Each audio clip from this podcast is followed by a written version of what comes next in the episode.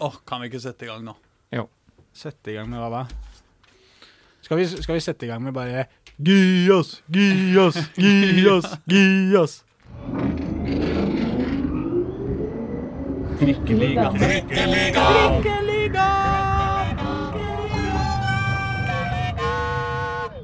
Meningsløse kamper, livsavgjørende kamper, utsatte kampen, men mest av alt kokoskamper i sol, kulde, regn og orkan i kastene. Det var en sånn helg, dette! Og velkommen skal du være til episode åtte av Trikkeligaen, en podkast fra Dagsavisen om Oslo-fotball med Reidar Solli, Håkon Thon og meg, Aslak Borgersrud! Juhu! Sånn skal det være. Det var intro, det. Jeg har lagd intro denne gangen. Ja, ja. Fett, ikke sant? Ja, det skal, Ja, dette var Dette var avansert. Bra. Hei, Reidar. Hei! Har du hatt en fin helg?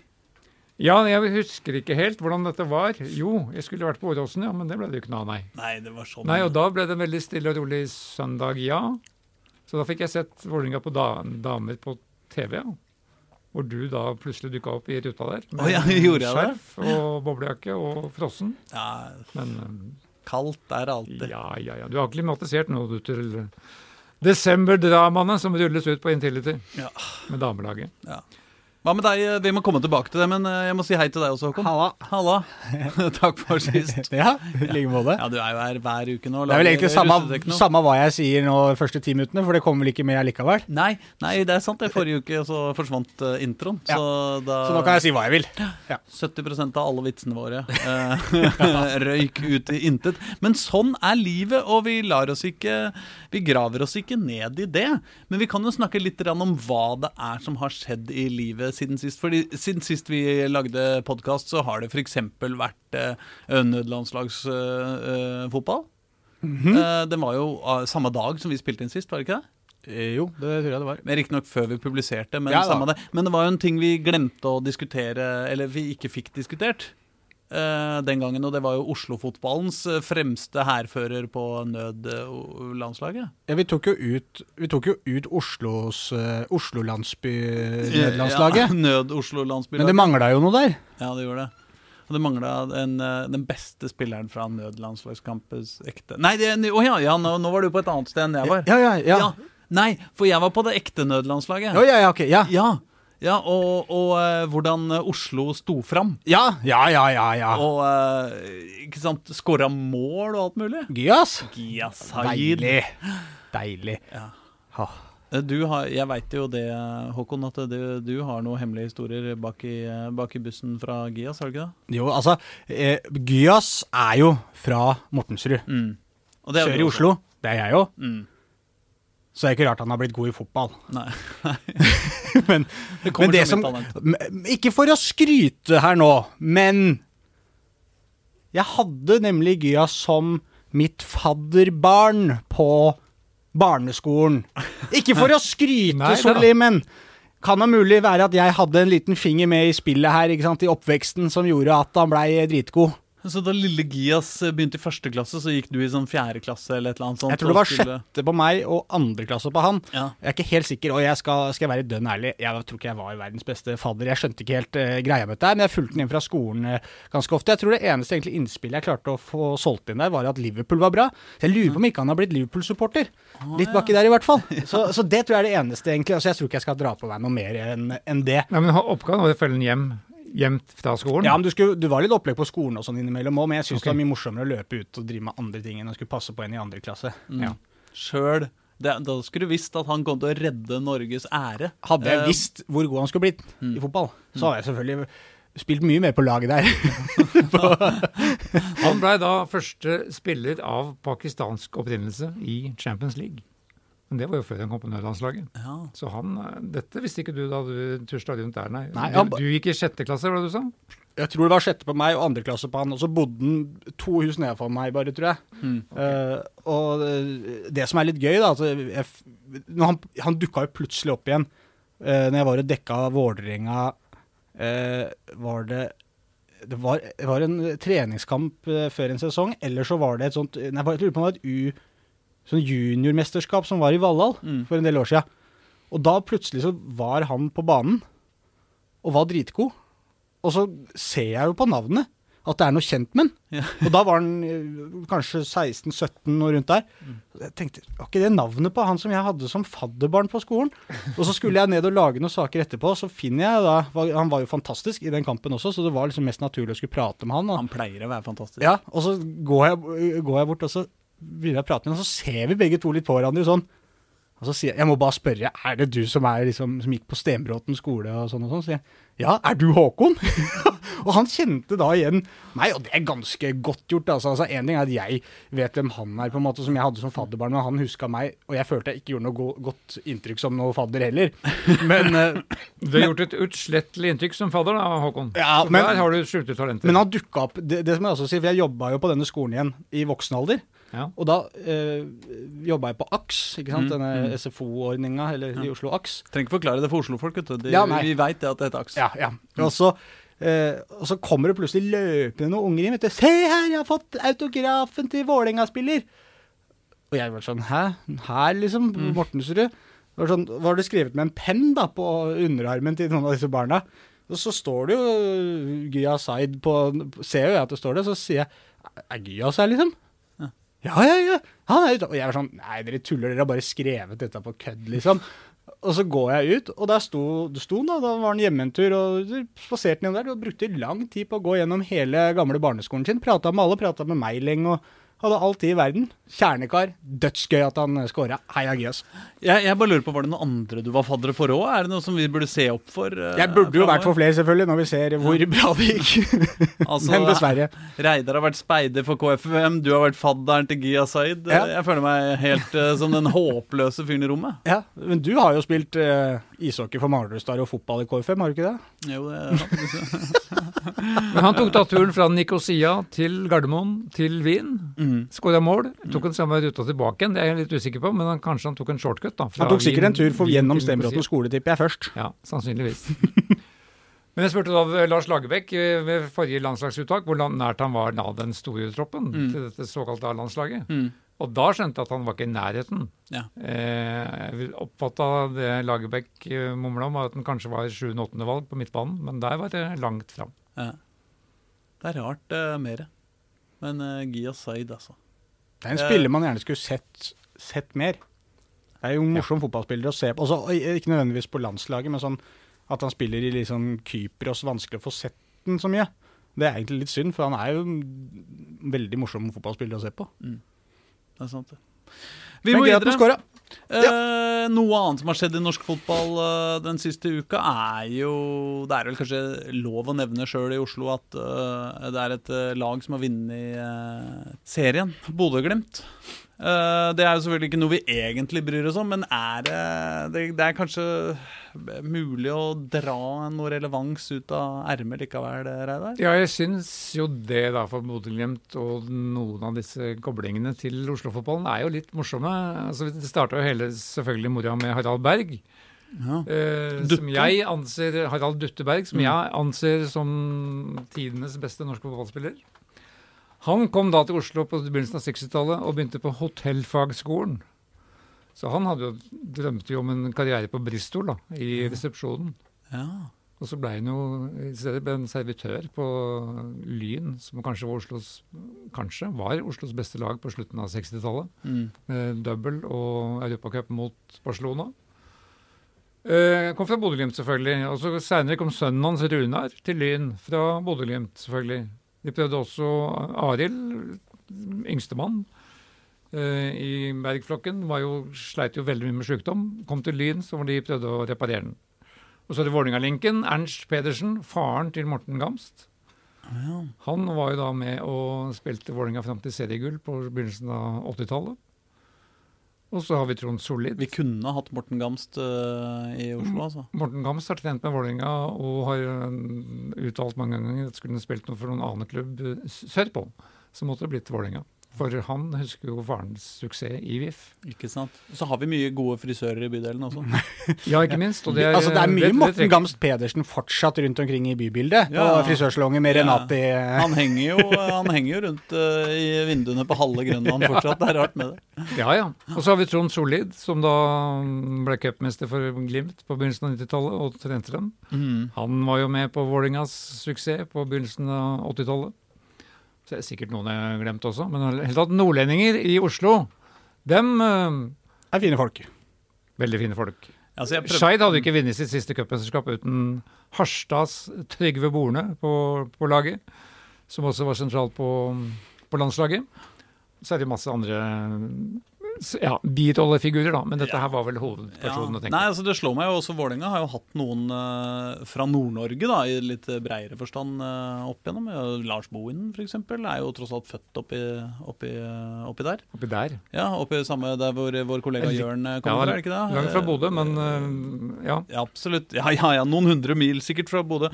Rune Lange, Lars Ivi Strand er også eh, nordlendinger som eh, har vært eh, i Vålerenga. Ja da. Som må være verdt å nevne på en sånn eh, festuke for, eh, for nordnorsk fotball. ja da. Og familien Berg er jo utvilsomt den største fotballfamilien i Norge. Det slår Så- meg at det er synd at de andre ikke fikk eh, kallenavn i, i stil med Dutte. Ja, nei, det- Dutte, det Butte. det. Ja, Det kunne vært Dotte, Ditte, Dytte But, jeg syns Butte er ja, fin. Butte. Butte. Han, Arild Butte Berg. Ja. Ja, hvorfor ikke? Jeg syns mer Ørjan. Ørjan Butteberg. Ja, for nå spilte da sønnen til Det er vel sønnen til Ørjan, Patrick, som skulle da vært på, Ja.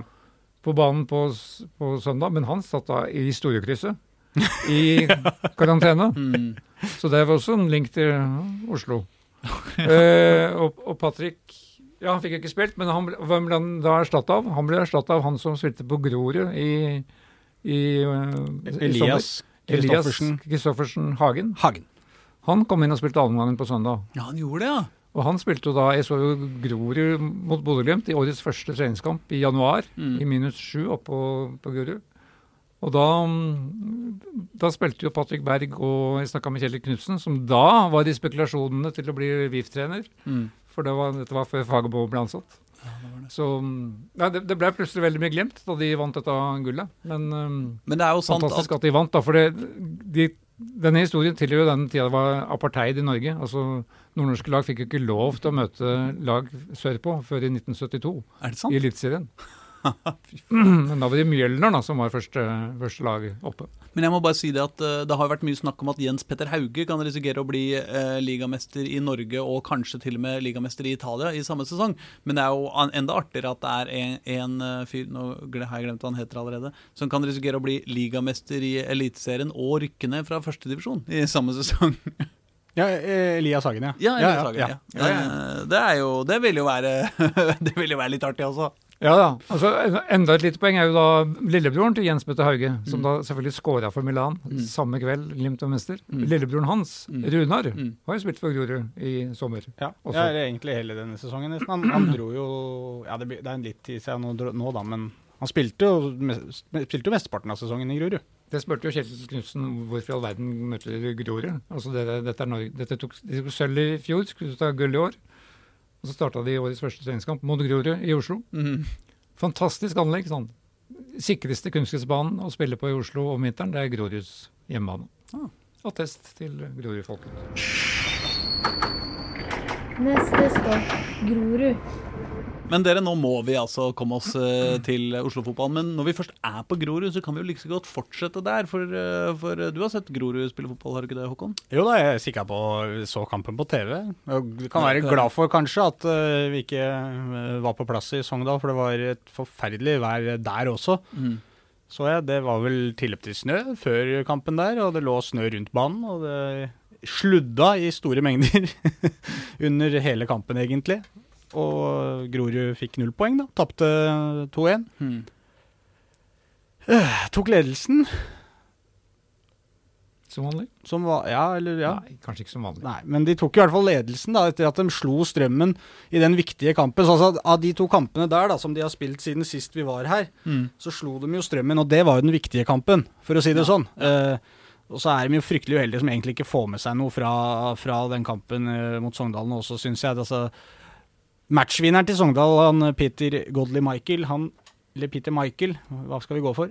Peter Michael. Peter Michael. Jeg syns vi skal gå for Peter Michael, bare fordi at da han spilte på Vålerenga før, så hadde du altså Peter Michael og Sam Johnson. Det syns jeg var sånn derre Å, shit, nå er det generiske navn på gang. Ja. ja. Det var veldig vanskelig å huske når folk Da går vi for så, Peter Michael. så kjedelige ting.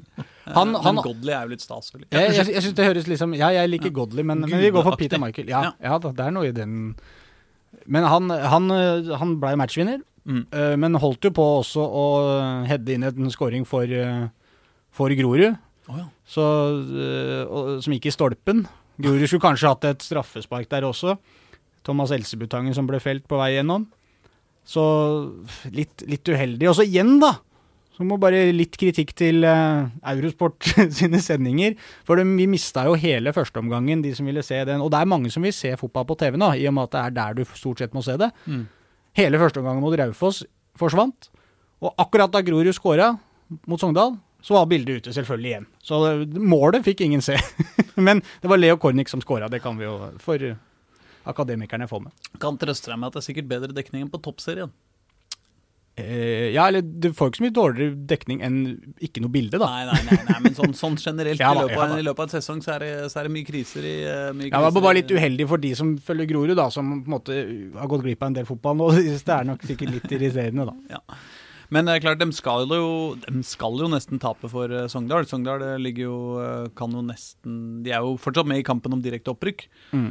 Ehm, hvis, bare, hvis bare Lillestrøm får spilt den kampen mot KFUM og tapt uh, Ja, Ja, som er planen. Grorud slo vel Sogndal i første kampen i sommer Ja. på, på Grorud. Ja. En av de beste kampene Grorud har med 3-1. spilt.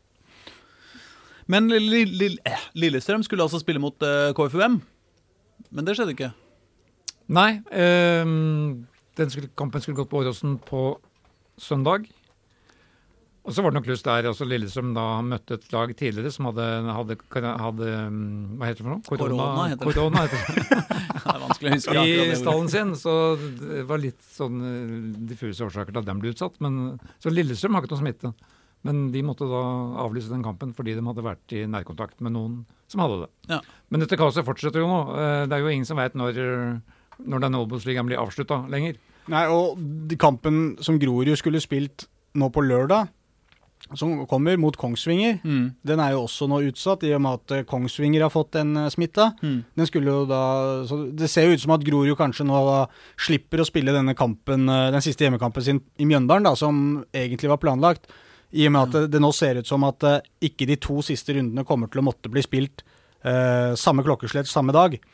Eh, og Det er jo grunnen til at de, eh, de måtte spille i Mjøndalen, er jo nettopp det. At Ja. eh, de, de skulle spille klokka tre, eller hva det var, og da, da, da var lysforholdene for dårlige på Grorud. Mm. Mens hvis de ikke må spille likt, så kan de jo bare flytte kampen til klokka ett og spille den på Grorud i stedet Ja, for. og det er det de vil. Mm.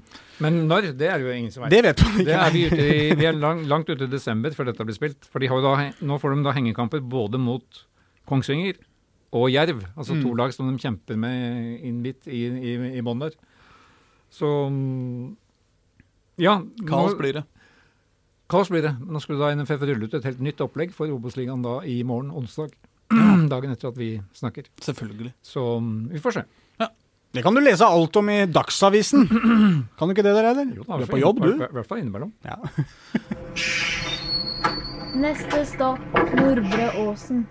Men apropos eh, eh, kaos og kokos, så har jo Skeid spilt en kamp også.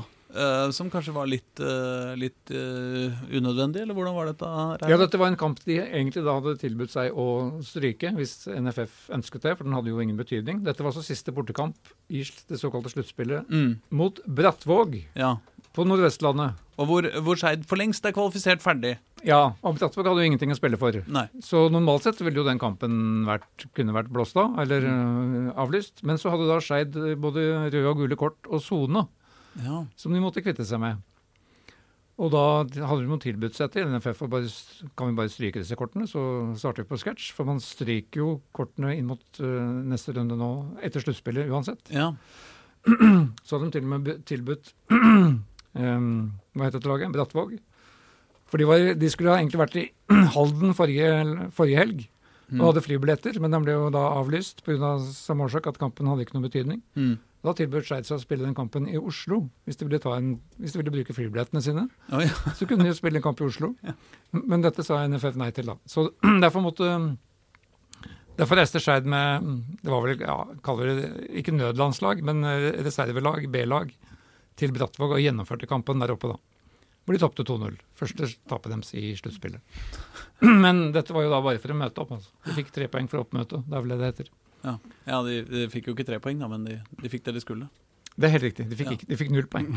Null poeng for oppmøtet. Null poeng for oppmøtet, men Ja. eh, de, trengte ikke, de trengte ikke Det var ikke så farlig med dem for dem, disse Nei, så det eneste de, de, Men det var jo trening for dem, da, for de må jo holde seg i gang, sier trener Geir Holme. De kan ikke legge seg nedpå. øh, I og med at det kommer da deres neste store, viktige kamp nå, kommer jo på lørdag. Mm. På Føyka på Asker. I Asker.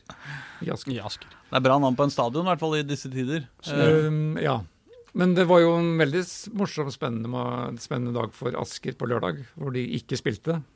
De hadde spillefri, mens deres to argeste konkurrenter til den plassen, de spilte. Og Askers clou var at ingen av de lagene måtte vinne sin kamp. Og det Oi. gjorde de ikke. Oh, ja. Så Egersund var lydige, og Haugesund var lydige. De gikk ut bort og tapte med ett mål, begge to. Mot motstandere som ikke hadde noe å spille for. Det er pent. Da satt Asker og spiste pizza og jublet mer og mer utover i andre der. Og da sluttsignalen gikk, så var de kvalifisert for neste runde i denne endeløse opprykkskvalifiseringen til eh, Obos-ligaen. den kan jo du bare kjapt, Aslak, kan jo ta oss igjennom Nei, hvordan nei, den nei. fungerer. Nei, men nå er det sånn at Skeid skal spille mot Asker. Ja. To kamper, hjemme og borte, i en rekkefølge. Bra. Først borte på Føyka klokka Ja. to, nei, jo, klokka to på lørdag. Ja, Og så kanskje hjemme på Nordre Åsen en uke etterpå. kanskje. Ja, så Nordre Åsen vet jo aldri. Nei, nei, sånn ja. ja. Det kan fort bli på Valhall eh, hvis det Ja, ikke er tentamen. ja, ja, og men- så kan det bli Intility hvis ikke det er noe annet som foregår der. Og... Men da måtte jeg jo sette meg litt inn i Asker, da, for hva, hva har de by på? De, altså, de har nå ti kamper i andredivisjon eh, uten tap. De har hatt en kjempe, kjempehøst. mm. Hvem er treneren? Jo, det er jo da han som jeg trodde het Vegard Waldheim og var tysk politiker, men det er jo da Vegard Skogheim. Tidligere HamKam Å, eh, er han toppspiller. trener der? Eh, og, eh, og assistenttreneren er da han Kim André Madsen. Med tidligere fortid i Lyn. Og Ja, det låt litt uh, lyn. Strømsgodset. Mm. Eh, og toppskåreren er jo da en eh, familie vi har vært innom tidligere her i podkast. Er vi på Kastrati? Da er vi på Kastrati. Ja da. Ja da. Skjønner du, spør meg om andredivisjon. Okay? Ja. Men eh, Asker, for å komme oss på sporet igjen, da. Rolf Magne Valstad er da ny er sportssjef der. Han var jo da i Lyn for to og tre og fire år siden og gjorde jo endeløse forsøk på å få Lyn opp i andredivisjon. Mm. Og de tapte jo på målstreken år etter år, som også han ga opp. Men nå er han da sportssjef i Asker.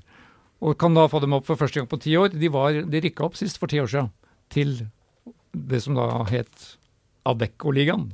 Ja. Men der holdt hun seg bare da i ett år. I 2011 spilte de der. Men Asker har da, er da laget som hindret Vålerenga å komme til deres aller første cupfinale i 1951. Da Og den så du, den kampen? Den så jeg, vet du. Da, hvem var jeg jobba for da? Morgenposten, var det det? Det Arbeiderklassens aktiotiden, det. Ja. Askers eh, eneste cupfinale.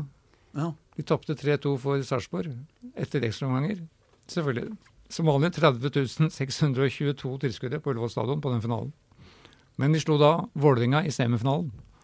Og det er det nærmeste Vålerenga hadde vært finalespill da, inntil de omsider kom dit mange tiår seinere. Jeg er fortsatt sur for det der. der jeg. Ja, for du var der For 51-semifinalen? Ja, ja, ja, det skjønner jeg ja, godt. ja. Jævla Asker. Eh, Det var derfor jeg aldri helt eh, kunne tilgi Sander Burge da han eh, kom til Vålerenga. For han representerte jo tross alt eh, et slags nederlag. Kom ikke han fra Asker, da? Han kom fra Asker, vet du. Ja, han, det skal jo Vålerenga være veldig fornøyd med. Det ser du. ja, full For det ga jo dem diverse inntekter. Og var det en veldig grei at han kom fra Asker til ja, jeg er enig i det. Kanskje, kanskje det var da vi tilga Asker. Eh, Det øyeblikket vi, eh, vi arva Sander Berge av dem. Ja, det vil jeg tro. Ja, vi ser kanskje nå er det Skeid som skal legge dem for hat, da, hvis de ødelegger for Skeid.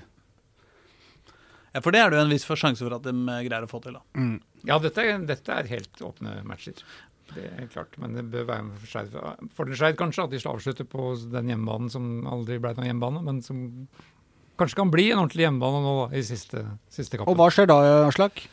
Når Skeid har vunnet de to, eh, gått seirende ut av dette dobbeltoppgjøret? Da skal de spille mot eh, det tredje dårligste laget i Obos-ligaen. Yes! Ja. Yes, Som nå sitter er det! Og treneren til Skeid heter Gard Holme. Yes! Yeah! Det er full pott! og når får vi vite hvem som blir tredje sist i Obos-ligaen? Det pleier å være sånn 12. desember eller noe sånt.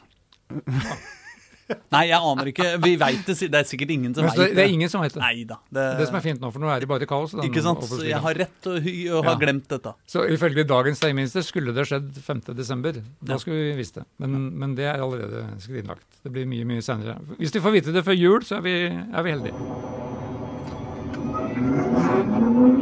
Neste stopp Valle.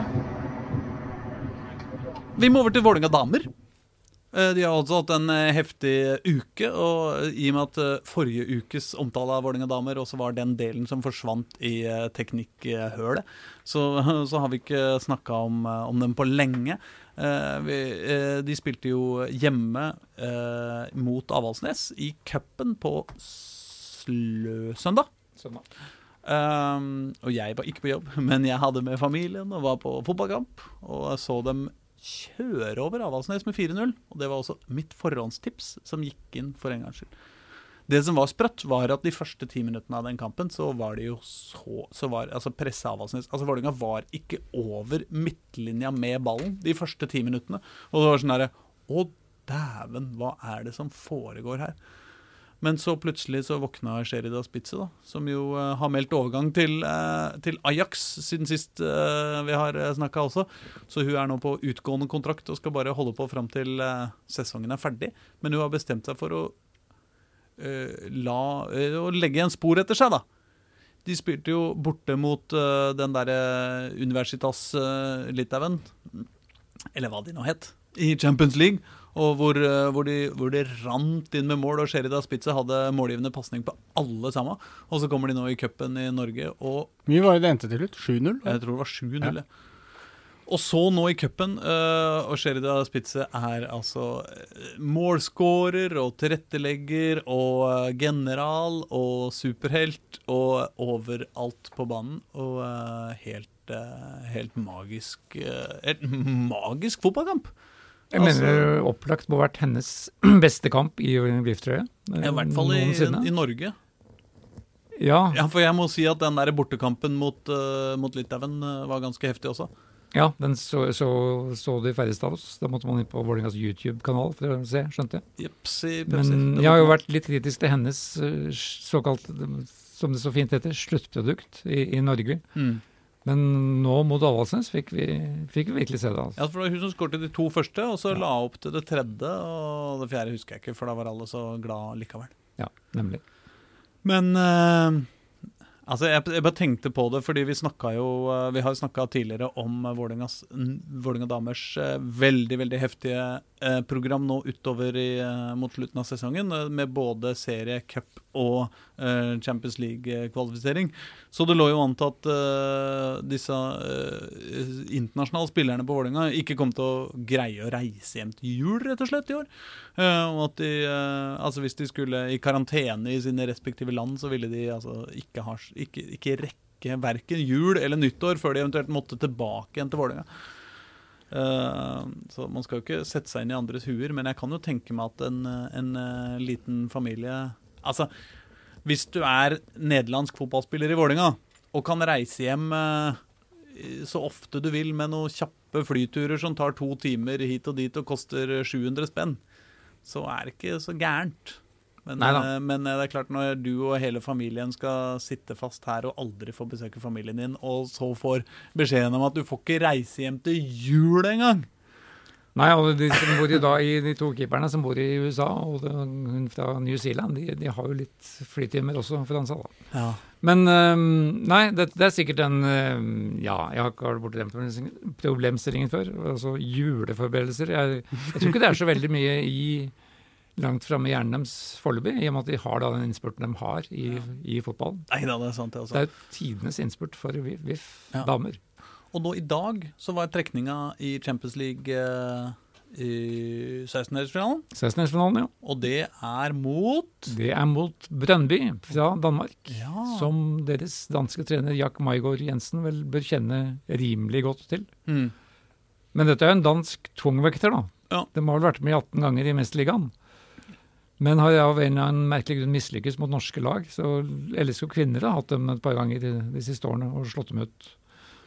Men de er jo da stabilt på høyeste nivå i Danmark. da. De har vel vært nummer én og to de siste 15-20 årene. Men Vålerenga kunne risikere å komme opp mot PSG og hele bøtteballetten. Så, Manchester City og ikke sant? Ja. ja da. Sånn at uh, en uh, kamp mot Brøndby Sjøl, da. Jeg må jo si det hadde vært ganske artig å få PSG på besøk. På Intility. Er det ikke kult med Brøndby, ja? Det er kult å vinne kamper. Jo, men Skandinavia Det er jo litt Jeg syns jo det kan være mye schwung i det òg, da. Jo, men det er litt schwung å se spillere du har sett på TV. Det er mer schwung. Ja, men det er gøy å se noen du aldri har sett òg. Kan være. Ikke vær sånn, Håkon. Nei, men det, jeg syns jo noen av de kuleste kampene man har sett noen ganger, sånn, uh, sånn Champions League-kamper med FC København mot Rosenborg og sånn, det er litt prestisje i det sånn skandinavisk sett, da, med norske øyne, liksom. Altså slå danskene, enten det er landskamp eller på klubbnivå, er jo stas. Morsommere enn liksom når de møtte dette litauiske laget, som ikke er liksom Nei, jo, var litauiske. Jo. Det er, liksom, det er ikke samme Du føler ikke liksom ah, 'Her er vi, vi knuste Litauens beste damefotballag', liksom. Nei. Det er, mye tøffere med Brøndby syns jeg er kult, jeg. Jeg er enig i det, altså. Og Ja. dessuten så er det jo uh, no, Altså Det er jo sånn dilemma, evig dilemma i sånne type trekninger. Det er jo innmari stas å møte superlag, men det er klart det er jo uh, ganske gøy å, å ha sjans også. Og det er klart at Hvis Vålerenga skulle spille mot PSG, uh, da hadde man tapt. Det er ikke til å komme unna. Men Brøndby kan de slå. Ja. Altså det vel, var vel lav- lavest rangert av disse lagene som gikk direkte inn i 16-finalen. Mm. Og jeg tror Vålerenga er fornøyd med at de slipper LSKs tur til eh, Minsk, eh, som de trakk i dag. da. Eh, mot, eh, en tur til Hviterussland tror jeg ikke er veldig pirrende akkurat nå. av forskjellige årsaker. Eh, Men eh, det som også Fotballforbundet fant på dag, er jo at Vålerenga skal jo ha, ha denne benemmelige seriefinalen sin 6.12. mot Arna-Bjørnar, når Ja. hele toppserien skal avgjøres Ja. på Intility. Og så la de jo om serie, hele serieinnspurten nå for Eliteserien. Så For Eliteserien. Eliteserien for menn. Ja, ja. Så nå er jo da Vålerenga-Rosenborg flytta fram en uke, til samme dag, på Intility. Så Vålerenga Arna Bjørnar spiller klokka ett, og så spiller Vålerenga Rosenborg klokka fem. Kan man kjøpe Hvis du- sånn heldagspass? Da kan eh, du kjøpe heldagspass. Hvis, de ikke, hvis dette blir stående, det vet jeg ikke. Om de kommer til å flytte på dette pga. TV-produksjon og dildal. Men dette høres jo litt ut som Norway Cup for meg også. At uh, Jeg da spiller vi den finalen klokka ett, og så spiller vi den finalen klokka tre, og den klokka fem. jeg syns det høres ut som en sånn øh, klassisk sånn derre eh, heldagssak for, for å få flere folk på, på dame, damekampen. Og det hadde jo vært en glimrende idé hvis det var plass til litt flere. Men det er du ikke. Nei, For det var det jeg også tenkte med en gang, at det hadde vært dritkult hvis det var, hvis det var normale tilstander. Mm. Så er det jo egentlig en kjempegod idé. Ja. Og at du kan kjøpe deg et sånt heldagspass, at du kjøper to matcher, da. Og så kan du sitte på Intility hele dagen og se to matcher med Vålerenga, først damer og herrer etterpå. Mm. Mm. Og så kunne du lagt på Vålerenga to kvelden på kvelden her en gang, så hadde du hatt skikkelig moro. Ja, altså Mannekampen er vel klokka åtte. Ja, Avslutt med finalen i Post Nordcup klokka åtte. Nei, nei, men Vålinga, Altså, det er vel uh, Våle, herrer, Herrelaget spiller klokka åtte, så da ville fort uh, Post Nord-cupen blitt uh, langt utpå natta. Nei, avspark klokka 17 Å oh, ja, å ja, det er så tidlig, ja. Det er bare jeg som ikke hører etter. Ja, ja. Men nå fantaserer vi allikevel, så det er jo Nei, Det det er ikke dette er, dette er Ja da, men vi tenker på å lage et sånt opplegg med publikum og alt dette her, da. Ja, ja da. Og Ja. Post Nord-cupen, den er vi ferdig med. Vi må uh, tilbake til Nordvestlandet. Uh, det forblåste og, og kull, kalde sted oppi oppe der hvor folk snakker. Ja, det er både. Vålerenga og Grorud måtte besøke Mm. i snøvind. Der kunne de også lagd et sånn opplegg. vet du Tenk deg Trikkeligaen burde ha sendt live. ikke sant? Vi Fra- kunne hatt slalåm, i- slalåm klokka ett og fotballkamp klokka fem. Ja, Skeid var jo der på samme sted søndag. Altså, det er ikke samme sted, men Brattvåg det er jo i samme, Ja, ja, ja, samme område. Det var jo sludd og regn og snø og sludd der også. Ja, ikke sant? Pluss Så det var tre Oslo-lag som spilte på Nordvestlandet på én kveld? Ja. Den ene helga hvor det snødde der. Det er ikke så mye snø der ofte på Vestlandet. Sogndal er vel ikke Nordvestlandet, er det det? Nei, Vestlandet. Ja, Vestlandet Så, det. Men, nord, så, Ja, Nei, det er oppi der et sted. Ja, det er riktig. Hvis, hvis Vadsø og Bodø er litt oppi der, Ja. så er også Sogndal og Brattvåg borti der. Helt enig. Vi- Litt grann sjåvinistiske må vi få lov til å ha når vi først lager podkast Ja, om det er ingen fra Nord-Norge eller Vestlandet som har hørt på dette her. Det er ikke det. Men ingen av oss var eh, på, eh, i Ålesund eh, i helga og, og så fotball. Men vi hadde jo en utskremt medarbeider, Jonas Bukker, Bukker eh, som, uh, som uh, skriver for Dagsavisen Dagsavisa. Han og ellers bor i Kristiansand av en eller annen uforståelig grunn. Eh, men han var i hvert fall på jobb for oss, sånn at jeg tenkte jeg like så godt kunne ringe han og høre Ja, ja, ja, ja, hvordan, ja, ja. hvordan, hvordan kampen hadde vært Jonas Bokker. fra ringside. Det var friskt i Ålesund på lørdag, det. Ja, det var, det var litt av et vær, ass. Eh, snakka med Tollås på eh, hotellet eh, før, før vi dro til kampen. Og han, jeg, jeg, sa til ham at jeg skjønner at du flytta til, til Oslo, for det været her er jo ja, ja, noe av det mest ekstreme jeg har sett. Så det var vel opp på 25 sekundmeter der. Men kampen ble jo ikke så prega av været, egentlig. Nei, den blei jo ikke det. Tidligere på dagen så var det sånn herre eh, Blir den avlyst? Blir den flytta inn i Sunnmørshallen? Hva er det som foregår, liksom? Mm. Mens når vi så kampen på TV, så så den jo ganske sånn Så ganske streit ut. Ja, nei, Det var bare når det var litt lange baller der fra Claesson opp og at du så at det var vind. Men liksom det prega jo ikke matchen noe ytterligere enn det. Eh, Jeg trodde jo at eh, kampen skulle bli flytta til Sunnmørshallen. Men eh, nei, sånn ble det ikke. Og det, Det, det er jo kjedelig med i dag hvor vi har så store stadioner at vi ikke ser trærne i bakgrunnen. Og, altså, jeg føler jo at det, det må jo ha blåst mer enn det så ut som. ja, ja, ja, absolutt. Og det, eh, Color Line ligger jo litt sånn eh, innpakka ved kysten, på en måte. da. Rundt litt bygninger og eh, et, et lite fjell ved siden av og sånn. Så det var jo litt eh, lyd der òg. Så ja. Men det var gøy når, eh, når eh, Dønnum ikke fikk tatt straffe fordi ballen blåste sin vei. Ja, eh, det var det. Men han eh, var kald og rolig, han. Så, Så ser ut som det har funnet seg en eh, ja, grei straffeskytter der i forhold til eh, Kjartansson. da. ja, ikke sant? Fint å ha en som scorer. Ja, nei, men Fortell om eh, kampen. da. Hvordan, eh, hvordan opplevde du det? Nei, for Vålerengas del eh, årsverste, eh, egentlig. Men jeg syns jo den kampen mot Haugesund også var veldig dårlig, men denne var, eh, den var ordentlig dårlig. eh, og eh, Jeg syns nesten det er imponerende at de fikk med seg et poeng.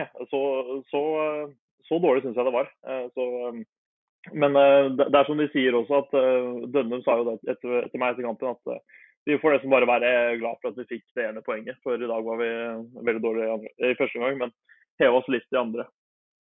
Ellers så var det Jeg var veldig skuffa over angrepsrekka. og De fikk ikke in, in, involvert Sarawi og Dønnum nok til at ja, de kunne skape nok farligheter. da. Altså For oss som så det på TV og fulgte Twitter, så var det, det var mye ukvemsord mot Dønnum og skyte, skyte fra alle mulige vinkler, men aldri få ballen på mål, liksom. Ja, Han hadde vel flere situasjoner han kanskje burde spilt eh, til både Kjartansson og Bjørdal. og ja, Han kan ha en tendens, eh, både han og Sarawi, egentlig, at de går litt for, lang, for lenge med kula.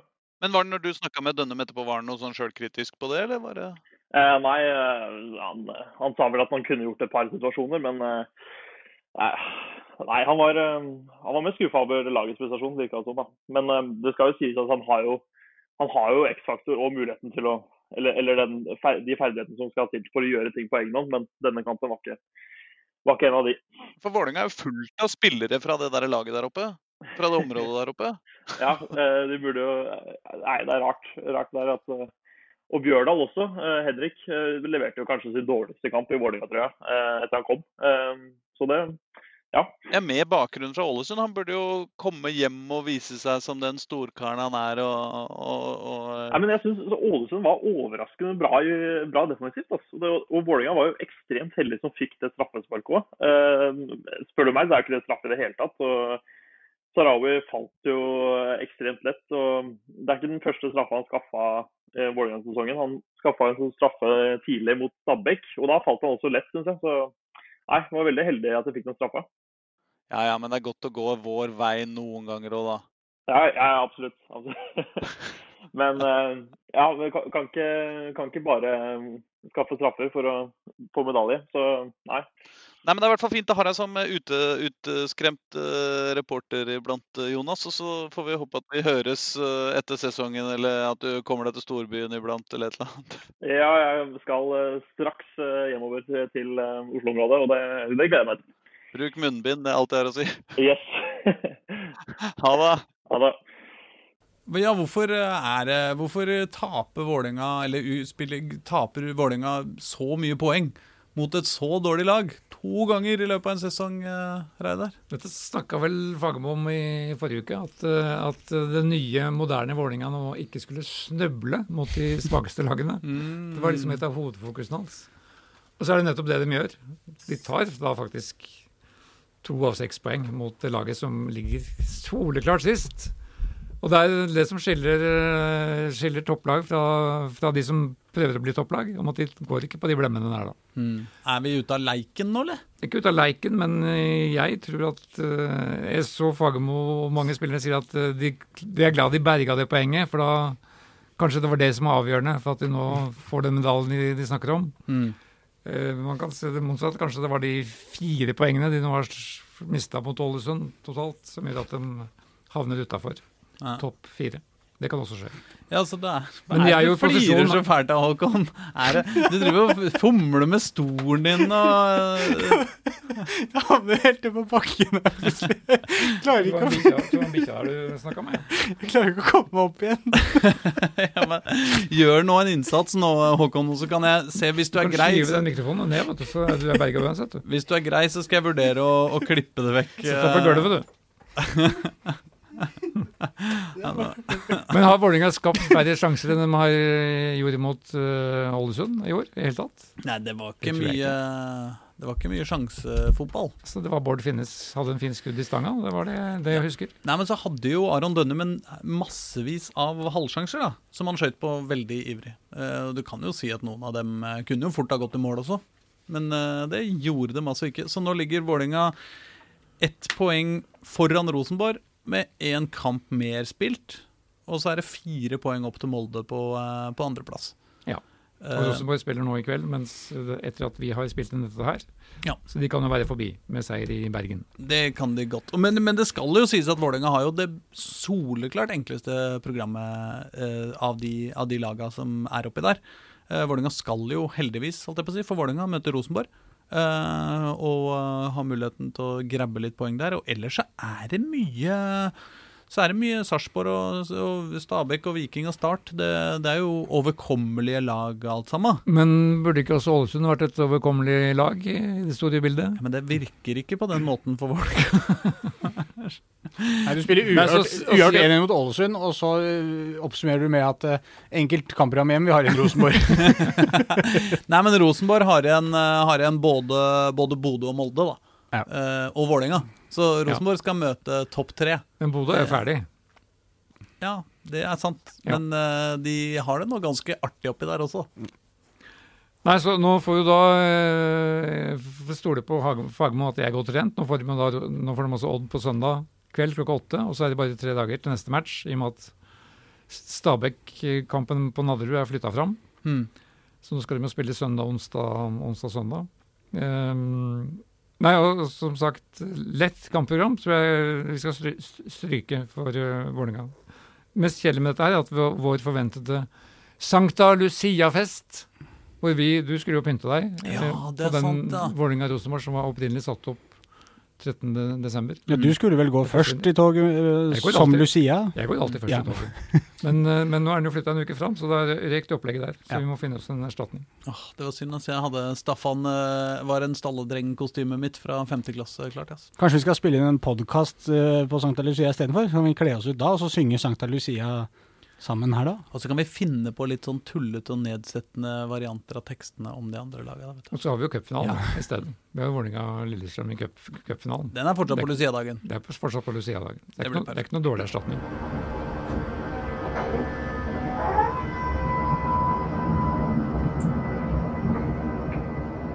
Ukas uh, straffa til Freddy. Uh, er det noen som har noe der, eller? Jeg kan ta den, jeg. Ja. Jeg kan ta straffa, jeg. du ser åssen det går.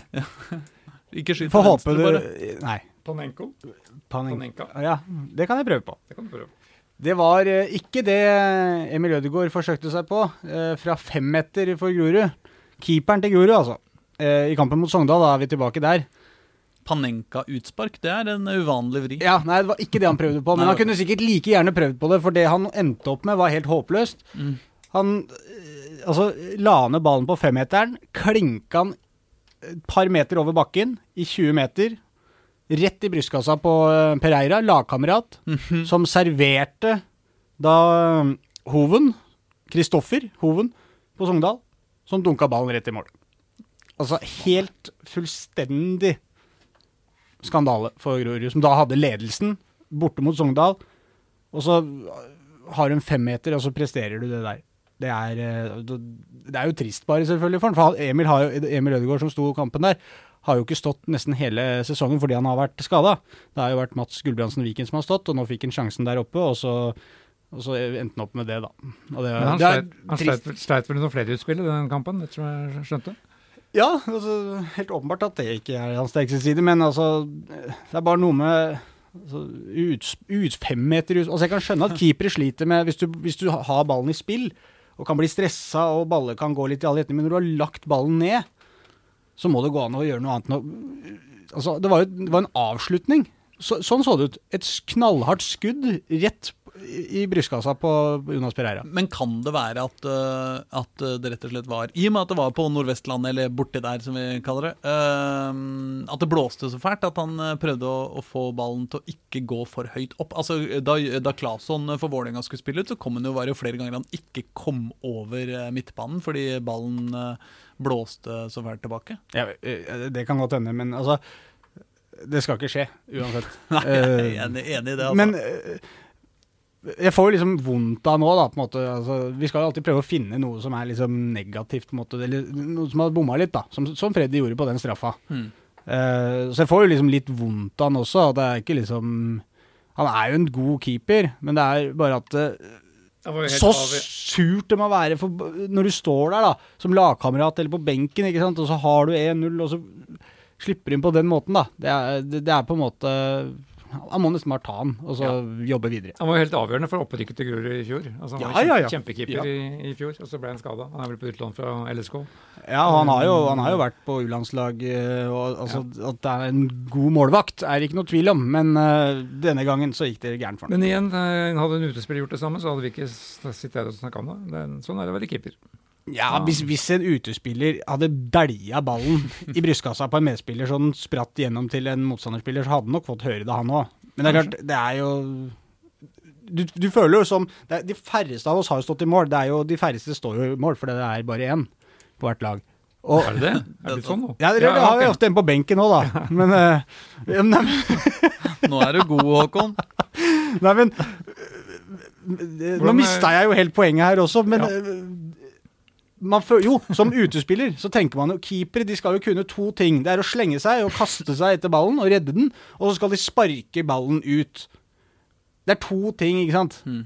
Det er jo ikke så enkelt, selvfølgelig. Men, Bestekeeperne er de som ikke trenger å slenge seg. De bare er alltid der hvor ballen kommer, og står og redder. Det er de de som spiller, de spiller med dårlig lag, da. Nei, nei. Ah, nei. Uansett, jeg bare føler at det er de, disse tinga de må kunne, da. Mm. Altså, altså, når du feiler på en av de to tinga så alle, alle har på en måte litt forståelse hvis en keeper eh, er litt ute av målet for en vanskelig tilbake, tilbakespill eller noe sånt, og så sliter han med mottak og disse tinga her, og den spretter ut et hjørnespark. Det er sånn, ja ja, men han er keeper, så det, sånt skjer. Men femmeter skal de få til, føler man. Håkon, du er for grei. Han dreit seg ut. Sånn er livet. Ja, ja. Så er det helt kritisk, kritiske poengtap på Grorud. For nå har de plutselig Øygarden bare tre poeng bak seg, og Kongsvinger som vant på overtid i sin kamp, så de er bare fem poeng bak. Så nå er det fullt kok i den båndstriden i Grorud. En Men spiker og mediesjef Frode Englund i Grorud, han har betrygga meg med at det rykker ikke ned. Nei, det er ikke sjanse i havet, det. Nei da, men nå, nå kan de rykke rett ned, og det Ja trodde de ikke for et par runder siden. Men ja. um, vi får se. Vi får se. Eh, Ukas høydepunkt, da, Reidar? Ja, da mener jeg vi må tilbake til den kampen som du satt og hutra og fre- frøs på, um, Shirida. Jeg er jo sånn som Jeg liker veldig ofte pasningen mer enn avslutningen. Mm. Så da hennes eh, Det var vel Synne Jensen, var det ikke det, som satte den, den tredje der, den derre skråpasningen fra Shirida på bak, den, bak det målet. Mm. Det var for meg høydepunktet på Intility. Dere, vi har noen kjappe og enkle spørsmål fra lyttere som vi kan, kan gå gjennom. Men her, er her, her, her tror jeg vi kan holde det nesten på enstavelsene i analysene, hvis vi, hvis vi vil. Det spørs Ja. hvor kjappe og greie vi er. Um, Håkon, får, Ja. vi, får vi selskap av LSK i eliten igjen? Ja. Ja, Det er vel ganske greit å, å regne med det. Eh, mest sannsynlig også allerede i neste sesong. Ja. De har vel? Grorud i siste hjemmekamp, tror jeg. Uh, ja. det stemmer, det. Da kan LSK gå opp og Grorud gå ned. Men uh, ja, så er det dette med når det blir spilt. Dette, Ja, ja, ja. men- ja. Men Skeid, da? Rykker de opp? Er et det- spørsmål fra, ja, det første spørsmålet Ja, det er fra Jon Hernes, dette. Om Skeid rykker opp? Ja. Uff, ja, kan jo svare veldig kort og greit ja igjen, men uh, kanskje dvele litt mer med det. fordi at uh, hva tror man egentlig? Tror vi egentlig Altså sånn uh, Man håper på Skeid, og, og de er i posisjon, og det skal jo være en jevn kamp, så det er jo på en måte Man har jo lyst til å si ja, Skeid rykker opp. Mm, Jeg tror Skeid eh, tar Asker. Tar- Jeg tror Skeid tar Asker, Ja. og de kommer seg til den kvaliken. Jeg tror Mm. de ikke rykker opp hvis de får Grorud i kvalik. For da bl- det er en Enig. e- egen eh, nerve, en atmosfære i de kampene der. Mm. Men får de Øygarden Mm. eller Kongsvinger, så stiger sjansen.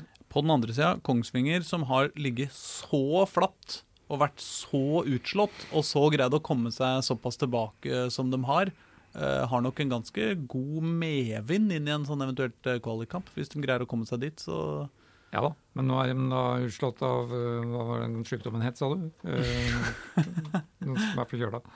Så nå er de satt ut av spill igjen. Det er, jo, det er jo også en del andre lag, da. Men som det er jo en fantastisk møte. situasjon. Altså, du har både Jerv, og du har Stjørdalsblink, og du har Strømmen og du har Ullensaker-Kisa, som alle kan havne på den kvalikplassen. Det er, det er vanskelig å skulle si Men Skeid møtte jo disse lagene i fjor, da. Altså, Skeid var jo håret fra å holde seg i, i fjor. mm. Det var jo Notodden, husker jeg, som ble, ble avgjørende. Og da Og hadde de en- 33 stolpeskudd, var ikke det hadde en veldig fascinerende kamp mot Ullkisa i, på slutten der, hvor keeperen satte inn den avgjørende skåringa nesten i 90 Ja, stemmer minutter. det. Ja. Um, nei, altså jeg kan ikke vi, det Her er det ingen garantier, men jeg tror Skeid kommer til den siste sluttspillrunden. Eh, Ta Vålerenga medalje. Mm, Det er vanskelig, altså. det er jo, du, man blir jo så farga av den siste kampen som er spilt, Mm. på en måte. Uh, at uh, sva, svaret forrige uke var ja, og svaret nå er nei. Mm. Jeg tror de blir nummer fire.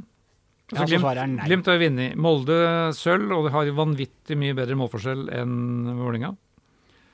Uh, altså, Vålinga-Rosenborg blir rett og slett finalen om bransje. Bransjefinalen! Slags begrep er det? Det blir jo fort det, men uh, det skal også sies at altså, ja, altså Jeg er litt enig. I, i, magen min sier nei. Vålerenga tar ikke medalje. Uh, Rosenborg har vært bra. Molde er altfor bra, tror jeg. Uh, de hadde jo en skikkelig dupp, og hvis den hadde vært fortsatt, så hadde det kanskje vært snakk om, men nå har Molde greid å reise seg fra duppen. Og selv om de får et heftig program med Champions League og, og greier, og er veldig avhengig av Wolf Eikrem, så tror jeg at eh, de greier å holde unna der såpass mye poeng. Ja, for Altså- må ikke bare opp på samme poeng som de må forbi. Ikke sant? Men problemet Rosenborg har altså topp tre på, eh, på lista si over de seks siste kampene. De skal spille mot Bodø. Det skal i utgangspunktet være Bodø-seier, også fordi de er hipp på De har lyst til å virkelig kjøre over verden og vise at de er ikke bare best, de er dritbest. I hvert fall god mulighet for poengtap for Rosenborg, i hvert fall. Ikke sant? Molde eh, kommer jo til å ville slåss for harde livet med nebb og klør for å vinne den kampen, sånn at de er helt tydelige at det er de som tar andreplassen. Det er ikke noe diskusjon. Og da er vi tilbake til at hvis Vålerenga tar Rosenborg, så har Vålerenga en kjempesjanse til, Ja. å, til å vinne medalje. Men det er den kampen. Men, Men med de- uavgjort så er det ikke godt å si, ass. De må ikke, de må ikke snuble, da, sånn som de har gjort to ganger mot Ålesund. Og de har da Start i siste, Ja. som da sannsynligvis spiller for livet Ja. på Intility. Siste Ja. kjappe for, eh, fra, Jon, eh, fra Jon Hernes eh, der. Klarer Grorud seg i Obos? Ja. Ja. Ja, Da skal ikke jeg protestere. Kan jeg slenge på et spørsmål der òg, eller har du flere? Jeg har flere. Ja, herlig. Mer. Eh, spørsmål fra Jonas Bang. Rota Vålinga bort medaljene og Europaliga-billett mot seriens to svakeste lag? Og hvordan i all verden fikk de til det? Eh, Svarene er ja og nei. Ja, jeg tror de rota bort medalje. Nei, jeg tror de redde europaplassen ved å bli nummer fire. Ja. Og hvordan fikk de til det? Det er for, øh, for det første, som det var vel du som var innom det, altså selv om et- båndlaget i Eliteserien har en god dag, så er, er nesten alle lag nesten jevne. Eller som Dag Eilif Fagermo sa, hvis ikke fotballen hadde vært fotballen, så hadde ikke Norsk Tipping eksistert. Uh, hvis alt var forutsigbart. Mm. Men det viser at øhm, det stabile toppnivået til Vålinga det er et stykke unna. Og Det er derfor de ikke tar medalje i år. Men samtidig, det- stabile toppnivået til Vålerenga er jo vesentlig mer stabilt blitt. Ja, det er blitt. Al- Altså, sånn, vi snakker om en, nå snakker vi om én enkeltkamp her og der hvor de ikke leverer. Altså, De, har ikke ta, de tapte ikke mot Ålesund heller. De fikk uavgjort. Og det er liksom det, det, Skal til speideren du, Håkon. Alltid beredt! Hvis vi kan slå fast at dette var en skikkelig dårlig dag, Ja. eh, så har Vålerenga god sjanse, tror jeg. Men uh, problemet er eh, om, uh, om det skal være litt sånn innimellom. Men jeg må, jeg må rette opp en ting. Det var Ultras Stickers Oslo som, uh, som stilte det spørsmålet. Han har jeg sett mange steder her i byen. Er- Henger på veldig masse vegger og lyktestolper og Det er vanskelig å ikke like, like han, han der. Det siste vi må gjennom før vi, før vi tar kvelden. Kunne jeg slenge på et spørsmål, bare? Ja, ja, Til dere? Ja, I og med at vi da kommer KFM til opprykkskvaliken. Åh. Skal vi se, da må jeg bare spole på De ligger nå på mm, åttendeplass. Der, der, ja, der er jo den finalen som du holdt en, holdt en forelesning om i forrige podkast. Raufoss K5 om uh, neste, neste Sabel og stillongs. Sable stillongs, ja. Hvis de tar den. Jeg mener at K5 um, burde klare dette her. De er gode nok. Eh, Svaret er ja, fra min side. Aslak, Uh, jeg Som gammel KFA-spiller. Ja, som gammel KFA-spiller uh, så vil jeg si uh, Nei, vet du hva. Jeg, jeg syns at eh, der eh, Jeg syns at når Koffa eh, først spiller seg fast, så spiller de seg så innmari fast. Så får de liksom ikke til noen ting. Eh, jeg syns det har vært litt frustrerende å se på dem i år, jeg. Uh, Sjøl om uh, det kan selvfølgelig være at det er bare et, uh, det er utvalget av kamper jeg har sett som har vært uheldig. Eh, men jeg syns ikke jeg har sett et, eh, et eh, lag som skaper nok sjanser. Så jeg kjenner at jeg er litt skeptisk. Men det er bra, da har vi en på hver side. Ja. Kan bare slenge inn kjapt her. Snakka med trener i KFM Jørgen Isnes rett før vi gikk inn her. Han sa at Aslak var dust. Ja, Ja. han- Aslak kan dere bare kvitte dere med umiddelbart. Ja. Uh, nei, men han, eh, det er jo litt Det som er tale for KFM, da, er jo at de nå har, de har slitt veldig med skader hele sesongen. Nå er de, eh, var for første gang nå, over 22 mann, sa han vel, på treninga deres. Og Tore Sørås og Tobias Collett er tilbake i full trening. Så nå er det egentlig eh, laget helt tilbake. Eneste som er ute, er eh, midtstopper Hammer, da, som er eh, Han er jo veldig viktig for dem. Ute, han er ute resten av sesongen. Mm. Men eh, det, Han er fall, ja, han er veldig viktig. Så, så det er for, et argument for her, og et argument mot. Så dere, ja, Collett har vært god, men det er lenge siden vi har sett han. da. Og Nå skal han til Arendal, skjønte jeg, etter denne sesongen her. ja. Men øh, ja, han er veldig Han er en tilvekst. da. Han har vært glimrende for oss som har vært der oppe og sett på kamper. For han har jo, de spillerne har jo sittet rundt der og vært ballhentere og ballvaskere. Og Tobias Collett har stort sett sittet i en stol rett ved meg. Og utrolig hyggelig fyr som prater masse. Og du kan spørre han om alt. Og kjempe, jeg, jeg, jeg har hatt veld, veldig glad i Tobias Collett som ballvasker. Ja, Han er god fotballspiller for all del, men uh, vi bare slenger til det. Sle, slenger Men med Collett på laget så tar hun kvalikplass. Det er det du sier. Selvfølgelig. Ja. ja Men så- David Tavakoli, vår gamle han, han må vi også utdype hans iranske koblinger. Men, men han, er på vei, han, han er i gang igjen, han òg. Det skjønner jeg. Ja. Og Stian Sortevik. Ja. For Sortevik var vel ikke i Sogndal, var han det? Nei. Ja, da, I Sogndal? ja, det var forrige gang. Ja. Glem det. ja. Stryk det siste som Men K5 er jo i hvert fall et av lagene som vi kan eh, se på, til eh, helga, da. De spiller jo mot Ranheim på eh, er vel lørdagen? Det gjør de vel ikke, men øh, det er vel Øygarden, tenker jeg. Øygarden er det. De har Ja, nettopp spilt mot ja beklager. Øygarden. Eh, på Intility. Ja, hvis ikke den blir flytta, da. Nei, det fikk jeg Det sa Jørgen i hvert fall, at den er fastsatt. Så den okay. kommer til å gå klokka ett på Intility. Ok. Jeg skjønner ikke noe. Nei, i og med at Grorud de, de er jo fortsatt eh, usikre på om de kommer til å flytte den kampen fra Mjøndalen igjen. De skulle jo egentlig spille i Mjøndalen nå til helga, så blir jo ikke den kampen spilt. Og derfor, som vi var inne på i starten, at kanskje de da kan spille hjemme likevel. I og med at ikke alle kampene må spilles likt. Så jeg spurte Jørgen i i KFM om de, dem tenkte det samme, at de dropper å spille på Intility og heller spiller klokka ett på Ekeberg. Men han sa at nei, den er fastsatt nå, så vi, vi spiller der. De skal trene der nå siste halvdel av denne uka nå inn mot kampen også. Ja, og kampen Da tror jeg den begynner klokka 15, og ikke klokka 13. Da er det 15, ja. For da spiller den som, som vanlig oppsatt. Herregud. Riktig. Her, her blir Men så kommer NFF i, i morgen da, med et helt nytt opplegg, så da Ja, så da er det Kanskje alt blir skjøvet til neste år. ja. Da har vi litt å prate om neste uke også. Og neste uke spiller jo da Vålerenga allerede onsdag mot Stabæk på Nadderud. Fordi den, etter dagens lille omkalfatring fra NFFs side. Så det blir, det blir heftige, heftige dager og uker. Så plutselig er det jul. Det Den som har oversikt nå over når kamper spilles, han er god. da må du ha fulgt med godt der. Men og vi har snakker om snublepotensialet for Vålerenga, som Nadderud stadion. Gress. Mm. Ja, Der har det vært snubla før. ja, det har det. Nadderud, der snubler alle lag, føler jeg. Allikevel så er de aldri alltid midt på der, eller i bånn et sted, Stabæk. Men alle lag føler at det, Nadderud er håpløst sted. En aller siste ting vi skal gjennom før, vi, før vi går hjem. vi gidder ikke å gå hjem ennå. I forrige uke så lagde vi jo Nød Oslo Landsbylaget. Eh, men der har det jo kommet enkelte reaksjoner på at vi ikke hadde en trener for dette laget. Eh, og eh, sånn kan vi jo ikke ha det. Nød Oslo-landslaget må jo ha landsbylaget, må jo ha en trener. Til vårt forsvarslag, vi satt jo her og var med å ta ut dette laget. Vi Mm. tenkte at dette laget gjør seg jo sjøl. Ja, Altså, herregud, for et lag. Det var mye spillende trenere der. Ja, altså, men, øh, men det er ikke vi som bestemmer, det er jo de som lytter som bestemmer. Og ikke minst øh, sjefen, høvdingen sjøl, lille Oter Reidar Solli. Jeg satt jo og venta i endeløs spenning på hvem som skulle trene dette laget. Mm. Og det svaret fikk jeg jo aldri.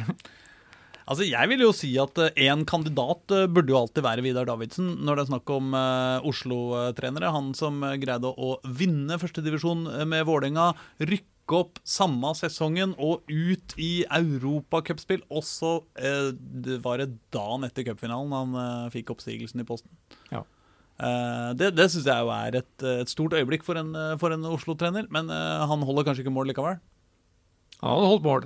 Han, er jo, ja, han har jo fantastisk CV med i Oslo. Han spilte, jeg husker ham som Frigg-spiller. Ikke sant? Altså, det var der han, der han først markerte seg. En viss kjærlighet eh, til familien Kjernås også, som Oslo-trenere, må det jo være lov å nevne. Absolutt. Lars Kjernås er jo, ja, Vålerenga 1997 og Istanbul og hele pakka. Ikke sant? Og dessuten er familien eh, holder jo, eh, holder jo hele Årvoll oppe med bare, med bare nervetråd. Så kunne vi pusta støv av han siste mann som fikk Skeid opp i Eliteserien. Ja, det var en som foreslo her på, eh, på, på Twitteren også. Christian Holte eh, spilte inn han. Han som spilte Skeid opp i Tippeligaen på 90-tallet. Han spilte vel ikke, men trente dem. Ja, trente dem, mener jeg. Ja, hvem- hvem var det, ja? Bjarne Rønning. Bjarne Rønning var det. Forfatter og uh, fotballspiller. Glimrende kombinasjon. Glimrende kombinasjon, men hvor er det blitt av han? Han forsvant jo ut av toppfotballen etter å ha tatt det store steget med, med Skeid.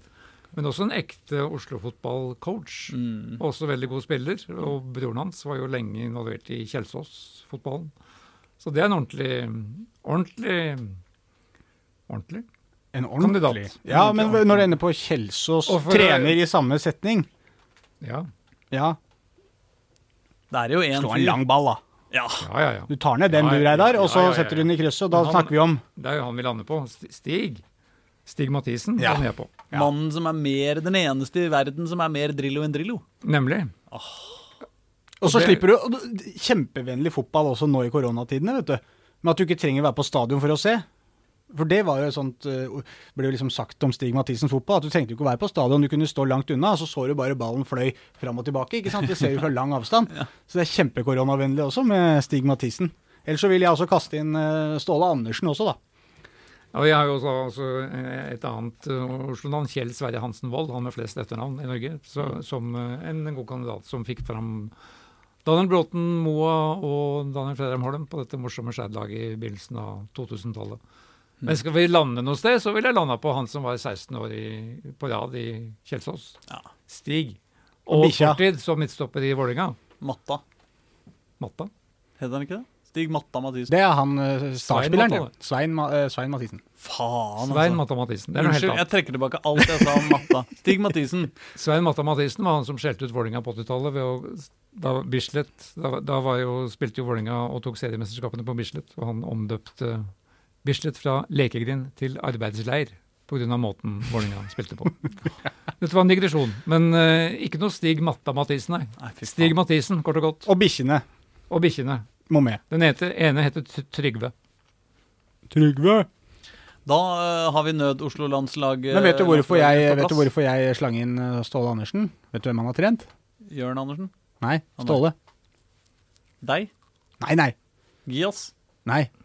Hvilket fotballag var det jeg eh, Oslo Ja, Øst! riktig. Og KFM, selvfølgelig, da. Men uh, derfor var han med. Men jeg skjø- skjø- skjønner jo at han kommer til kort her i denne elitegruppen med trenere. Men hvem ble det? Nei, det ble Det ble Stig. Stig, Ma- Stig Mathisen. Stig Matta-Mathisen. Nei! Han hadde da det morsomt Han var én scoring var det vel for å få Kjelsås opp i, opp i tippeligaen, som det kanskje da het den gangen. Ikke husker jeg. En Krise, krisetap på, på slutten. Og da fikk han spørsmål om hva, hva hadde vært den største fordelen med å rykke opp i Eliteserien. For de fleste mente at Kjelsås, som er en skiklubb, ikke hadde noe der, å gjøre. Mm. Det var én stor fordel med å rykke opp i tippeligaen, var at da ikke kunne rykke ned i annen divisjon året etter. Så det var grei, grei innfallsvinkel.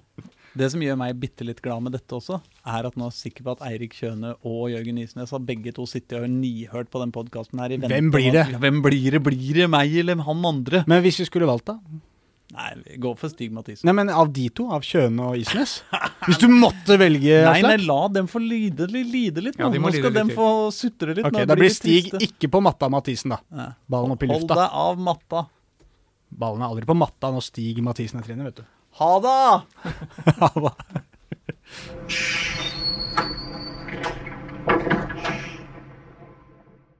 Du har hørt en podkast fra Dagsavisen. Ansvarlig redaktør heter Andreas Heen Haaland Karlsen.